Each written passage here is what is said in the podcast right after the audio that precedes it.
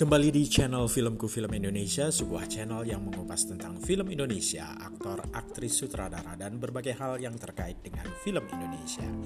Kali ini episode kedua, 1942 sampai 1949 sejarah film nasional Indonesia.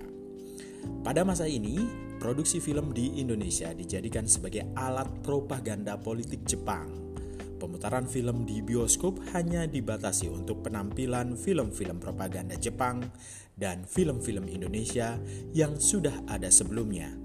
Hingga bisa dikatakan bahwa era ini bisa disebut sebagai era surutnya produksi film nasional.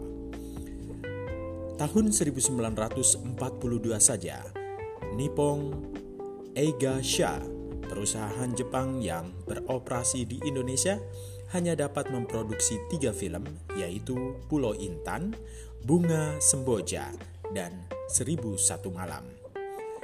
Lenyapnya usaha swasta di bidang film dan sedikitnya produksi yang dihasilkan oleh studio yang dipimpin oleh Jepang dengan sendirinya mempersempit ruang gerak dan kesempatan hidup para artis dan karyawan film dan pembentukan bintang-bintang baru yang hampir tidak ada.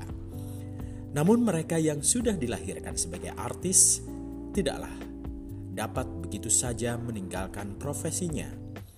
Satu-satunya jalan keluar untuk dapat terus mengembangkan dan memelihara bakat serta mempertahankan hidup adalah naik panggung sandiwara.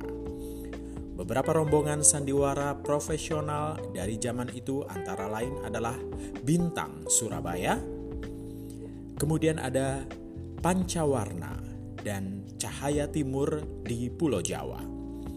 Selain itu, sebuah kumpulan sandiwara amatir Maya didirikan, di mana di dalamnya bernaung beberapa seniman seniwati terpelajar di bawah pimpinan Usmar Ismail yang kelak akan menjadi bapak perfilman nasional. Nah, demikian Sejarah periode 1942 sampai 1949 perfilman Indonesia. Apalagi yang akan ditampilkan oleh Filmku Film Indonesia di episode berikutnya. Pantengin terus channel Filmku Film Indonesia dan jangan lupa untuk datang ke bioskop, tonton dan cintai film Indonesia karena filmku film Indonesia.